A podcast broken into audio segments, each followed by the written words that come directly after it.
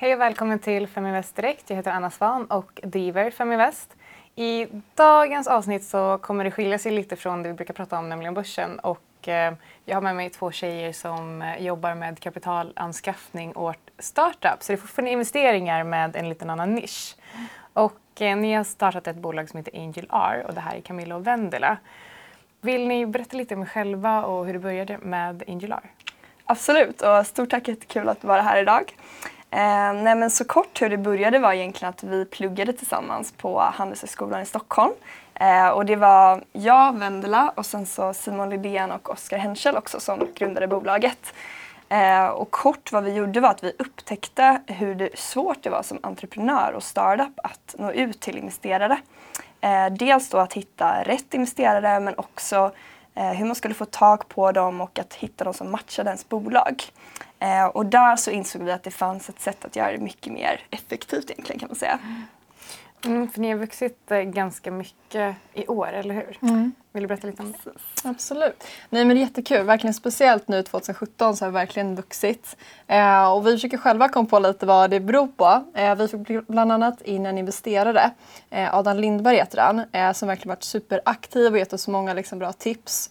Eh, så jag tror det har bidragit mycket. Eh, sen tror jag också att det liksom krävs tid att bygga upp nätverket vi har eh, med investerare och också med relation mot startups. Eh, och just att när man börjat hjälpa lite case så liksom får man liksom momentum eh, och fler vågar lita på den här processen helt enkelt. Eh, så det har varit jättekul.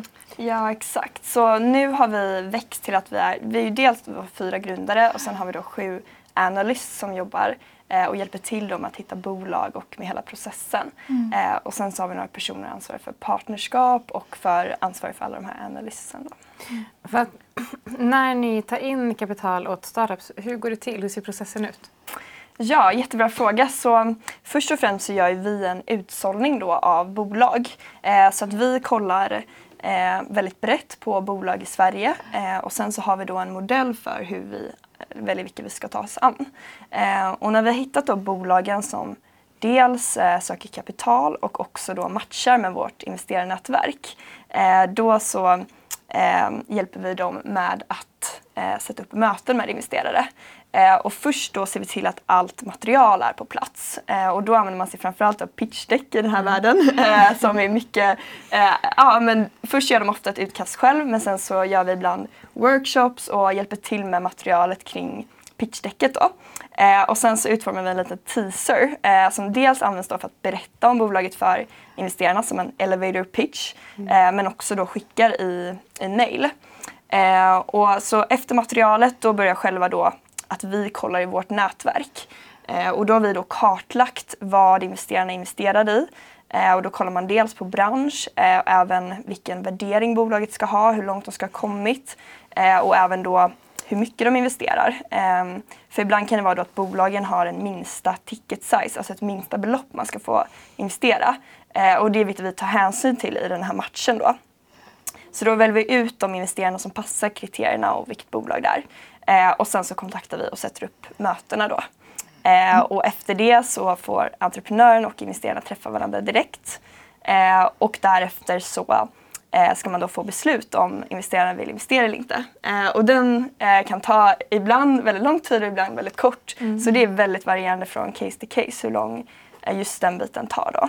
Men hur, hur är det oftast? Är det oftast investerare som hör av sig till er och säger att eh, hej tjejer, vi är ute efter case mm. eller hör bolag av sig till er och säger hej tjejer, vi behöver hjälp att ta in pengar? Mm. Vi har egentligen båda uppläggen. Mm. Eh, så det är lite så vi också får in vårt dealflow ibland. Att investerare hör av sig till oss eh, och säger att de har ett bolag som de själva kanske gått in med lite pengar i eh, och vi kompletterar den rundan med fler investerare. Så det händer ganska ofta och de casen är oftast väldigt bra för de har liksom ett godkännande lite av en duktig investerare ofta. Eh, men sen så kan vi göra båda uppläggen egentligen. Att en investerare kanske på jakt efter en typ av bolag. Typ bolag inom liksom finansiell eh, teknik. Eh, och då kan vi hjälpa den investerare att ge just bara sådana här bolag på löpande basis. Mm. Mm. Eh, men, ja, men oftast är det att vi får in bolag som vi har godkänt och sen skickar ut dem. Eh, mm. Vi öppnar för båda uppläggen. Ja, men vårt, ja, så vårt dealflow-arbete är då dels bolag som hör av sig till oss men sen också att vi letar proaktivt efter bolag. Mm. Eh, och det är samma sak på investerarsidan egentligen. Att dels kommer investerare till oss men sen letar vi också för att vi vill få in de bästa investerarna då. Mm. Men det är nog fler bolag som hör av sig en investerare så därför behövs det mer sållning på den sidan från, vår, från Mm. vårt håll och investerarna sållar vi inte lika mycket utan där är det ofta ganska bra investerare som kommer till oss. Och hur, ehm, när ni får de här förfrågningarna, hur, hur avgör ni om det är ett bra eller dåligt bolag? Jag förstår att ni har den här modellen som ni pratar om. Mm. Men, men ungefär hur går det till? Ja. Ja, nej, precis. Så att vi har den liksom, interna modellen eh, som vi själva har tagit fram eh, baserat på liksom, fakta om hur man bedömer tidiga bolag. Eh, för det är ju verkligen supersvårt. Det är ju liksom väldigt få som lyckas och lyckas riktigt bra. Eh, nu i Sverige finns det jag tror, åtta unicorns, alltså bolag som är värde över en miljard dollar. Så det är ju väldigt få av alla liksom, tusentals, tiotusentals startups som blir verkligen bra. Eh, Så att vi har liksom en modell som vi, kan, alltså vi ser på hygienfaktorer. Så vi kan utesluta bolag som vi liksom verkligen inte eh, tror på. Liksom. Så då har vi att vi börjar med, att, med den här modellen då, att vi har så här need to have eh, och det är faktorer som bolaget måste ha för att vi ens ska gå vidare med det. Eh, och då är det både att bolaget måste ta in eh, tillräckligt mycket pengar för att vi ska hjälpa dem. Så att vi oss på bolag som söker från runt 3 miljoner kronor och uppåt. Eh, så i det stadiet det liksom kan andra investerare gå in på, eh, men inte så mycket våra. Eh, och sen så också så har vi några faktorer som heter så här, nice to have eh, och det är bra om bolaget har det men de måste inte. Eh, och det är att liksom, vi vill ha ett, gärna till fler än en grundare bland annat. Eh, och sen så har vi då vår modell där vi bedömer marknaden, vi bedömer teamet, eh, hur höga inträdesbarriärerna är och så vidare. Eh, och till slut får då bolaget ett score, sen poäng. Eh, och om det är över ett visst poäng då fortsätter vi att, att analysera och gå vidare med det helt enkelt. Så det skiljer sig inte så himla långt ifrån eh, mot om man gör en bolagsanalys om man ska köpa aktier till exempel som är noterade. Precis. Nej men exakt, det finns väl vissa små grejer kanske att till exempel inte finns lika mycket siffror och da- data att gå efter. Eh, så mycket fokus ligger på team eh, och då kollar man framförallt på dels om de har någon tidigare startup-erfarenhet eh, eller om de har någon tidigare erfarenhet inom den branschen då som bolaget är inom. Eh, men sen så vissa grejer är ju samma som att vi tar bort sådana som inte är etiska som till exempel vapenhandel eller sådär. Eh, och det kan vi även göra inom börsen. Och det är ju som Camilla säger också att vi har större liksom, tyngd på teamet. Eh, så därför i vår modell så har vi liksom att det är viktat lite mer mot teamet än kanske andra faktorer. Eh, för det är ofta som de flesta investerare bryr sig om, att teamet liksom är bra och kompetent och så. Eh, och kanske att man har då tidigare entreprenörskapserfarenhet. Det uppskattas väldigt mycket av vissa investerare. Så man investerar verkligen i personerna bakom och det gör man Ja. ju, eh, det gör jag privat också. När jag Mm. sitter på bolag så ty- tycker jag att det är väldigt viktigt att jag känner att personer jag investerar i är, är bra och som jag kanske delar värdering med och så vidare. Mm. Som har rätt erfarenhet som kanske kompletterar min erfarenhet. Så det tycker jag är eh, jätteviktigt. Men det var ju så att ni upptäckte att det fanns det här hålet i marknaden. Det fanns ingen som matchade investerarna med eh, startups och det gör ni nu. Tror ni att det kommer ändras? Tror ni att er typ av affärsidé kommer bli vanligare? Eh, kommer det då bli någon form av konkurrenssituation för er? Eh, och, men vad tror ni om framtiden för er bransch helt enkelt? Ja, nej men jätteintressant verkligen. Eh, det vi kan se är verkligen att startup, eh, liksom startup-communityn i Stockholm framför allt men även i Sverige verkligen blommar. Eh, så då är det ju väldigt liksom, tänkbart att det kommer komma fler sådana här liksom, initiativ. Eh, och även då crowdfunding eh, är ju ett annat alternativ om man vill ha istället väldigt många ägare i ett tidigt stadie eller eh, ge ut någon form av produkt och sådär mot, eh, mot investering. Ehm, så absolut tror jag att det kommer komma fler sådana här initiativ. Eh, dock så tror vi fortfarande på att tiden det tar att bygga upp sånt här kommer ligga kvar. eh, och det är ganska mycket arbete bara att, att bygga upp nätverket. Dels såklart på investerarsidan men också att få det här dealflowet och ha en track record då som gör att man bygger upp också legitimitet ehm, Och förtroende. och förtroende eh, från bägge sidor egentligen att, eh, att lita på processen och, och på att man kan göra ett bra jobb helt enkelt. Men hur många bolag har ni hjälpt i år? Så i år har vi hjälpt 11 bolag hittills. Det är ju eh, superbra eh, och eh, så himla spännande. Och, Men generellt så är ju startups mer riskfyllda än att investera på börsen även om det kan vara, innebära jättemycket risk på börsen också. Och hur gör ni den här riskbedömningen? Ni sa att ni pratade mycket om teamet. Eh, för jag, vi, när vi käkade frukost i fredags så Ja. diskuterade vi också att jag är sugen på att gå in i mer onoterad framtiden. Och då ställde ni direkt frågan till mig, okej men hur långt framskridet ska bolaget vara? Vill du gå in tidigt? Vill du kanske gå in i en B-runda? Och man pratar ju ofta om till exempel A och B-runder. Vad är skillnaden och vad, vad betyder det egentligen? Jättebra fråga. Eh, nej men precis som du säger så risken minskar ju faktiskt ju längre bolaget har kommit. Eh, så om man har typ idéstadiet då är det ju jättemycket risk. Eh, för liksom man har inte bevisat någonting mot marknaden än. Man vet inte om kunder vill ha den här produkten. Eh, men ju längre man kommer desto liksom mer omsättning man får, ju fler kunder man får, desto mer minskar risken. Då. Eh, och precis som du säger, A och B-runda det är den första kan man säga, institutionella investerarna kommer in. Eh, man brukar säga att det är från typ 2 till 5 miljoner euro. Eh, där brukar A-runda ligga på. Eh, och B-runda är då investeringen efter A-runda. Eh, och just de institutionella går ofta in här och där är faktiskt risken ofta betydligt mindre. Eh, just för att marknaden har accepterat produkten. Liksom. Eh, så att absolut, det innebär stor risk. Eh, så därför är det viktigt att kunna branschen tycker vi också.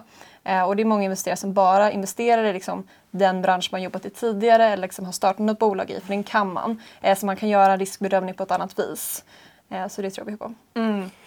Precis, så den, det stadiet som vi riktar oss mot nu är kan man säga oftast före serie A då när VC-firmor går in, men vi börjar röra oss lite dit också. Men mm. det kallas allt från early stage eller seed eller pre-series A då.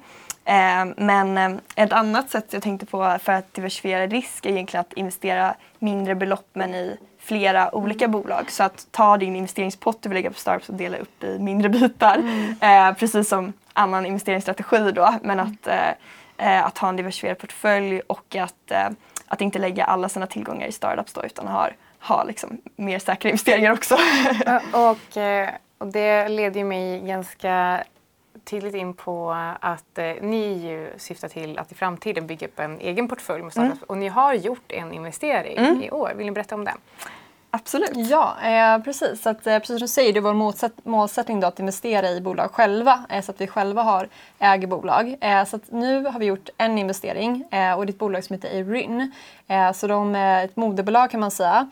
Eh, supercoolt bolag med tio stycken tjejer. Det är verkligen så girl power rakt igenom. Eh, så det är väldigt kul att sätta ett sådant bolag eh, och de hjälper också kvinnor i Indien med deras skolgång. Eh, så att jättespännande liksom, första investering tycker vi. Så att vi vill ha som strategi att eh, varje gång vi hjälper ett bolag eh, så vi, vi liksom gör bedömningen om vi vill gå in i det bolaget eller inte. Eh, så att vi vill liksom också bygga upp en portfölj så att vår risk också eller minskar då genom divers diversifiering. Svårt ord Men eh, ja, så att det är vår, eh, liksom vårt mål helt enkelt. Så det är jättespännande. Extra kul att följa de bolagen också för oss. Ja men såklart. Ja. Mm. Och det känns ju också um, nu när vi pratar om legitimitet och förtroende mm. att ni själva också faktiskt vill investera och mm. det finns en annan typ av um, en annan typ av erfarenhet i ryggen mm. för er. Så det är ju mm, också verkligen. jättehäftigt. Men mm. du sa också att Sverige har sju eller åtta unicorns. Åtta tror jag yes. Eh, ja. Och eh, Sverige är faktiskt näst bäst i världen efter Silicon Valley. Och det är mm. svårt att tävla med dem kanske ja. när det kommer till unicorns. Men vad, eh, vad betyder egentligen det här? Vad säger det här om Sverige? Men verkligen, det är så otroligt häftigt. Eh, så vi är liksom tvåa efter Silicon Valley med unicorns per capita då.